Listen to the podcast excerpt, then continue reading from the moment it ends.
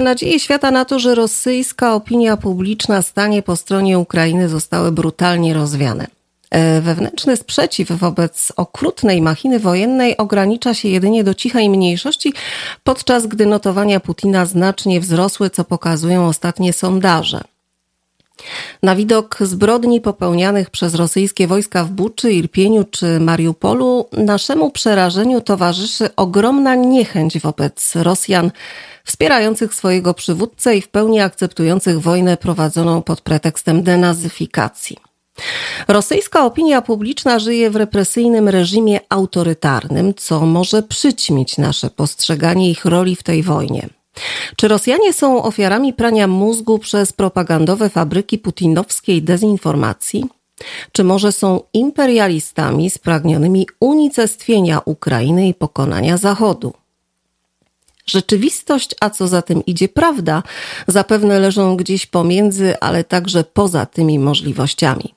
Ta wojna została zapoczątkowana przez Putina, a rosyjska opinia publiczna prawie na pewno nie zatrzyma tego szaleństwa. Niemniej jednak przyszłość Rosji leży w rękach jej obywateli. Wielu obserwatorów odrzuca sondaże, które potwierdzają poparcie społeczeństwa dla działań militarnych Putina. Słusznie uważając, że takie badania w czasie konfliktu wykonywane są na zamówienie państwa agresora. Noah Buckley, adiunkt nauk politycznych w dublińskim Trinity College, od ponad 20 lat obserwator Rosji, naukowiec badający tamtejszą opinię publiczną, pozbawia nas jakichkolwiek złudzeń. Jego zdaniem Rosjanie w pełni świadomie aprobują działania Putina.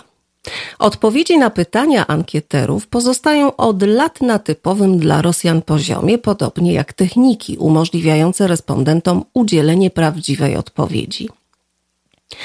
Jednym z powodów, dla których mieszkańcy Zachodu odrzucają fakt, że większość Rosjan akceptuje tę wojnę, jest niedowierzanie, że to dzieje się naprawdę.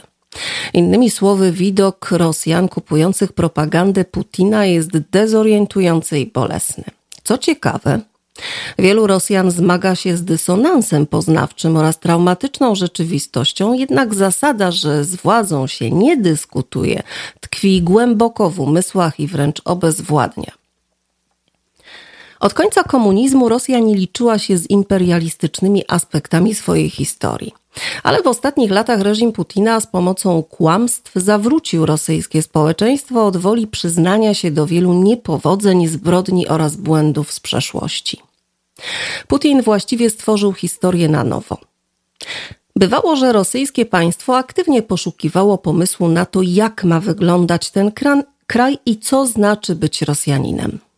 Dziś możemy powiedzieć, że to poszukiwanie zakończyło się z chwilą, kiedy do władzy doszedł Władimir Putin, wizjoner, zwolennik silnego państwa.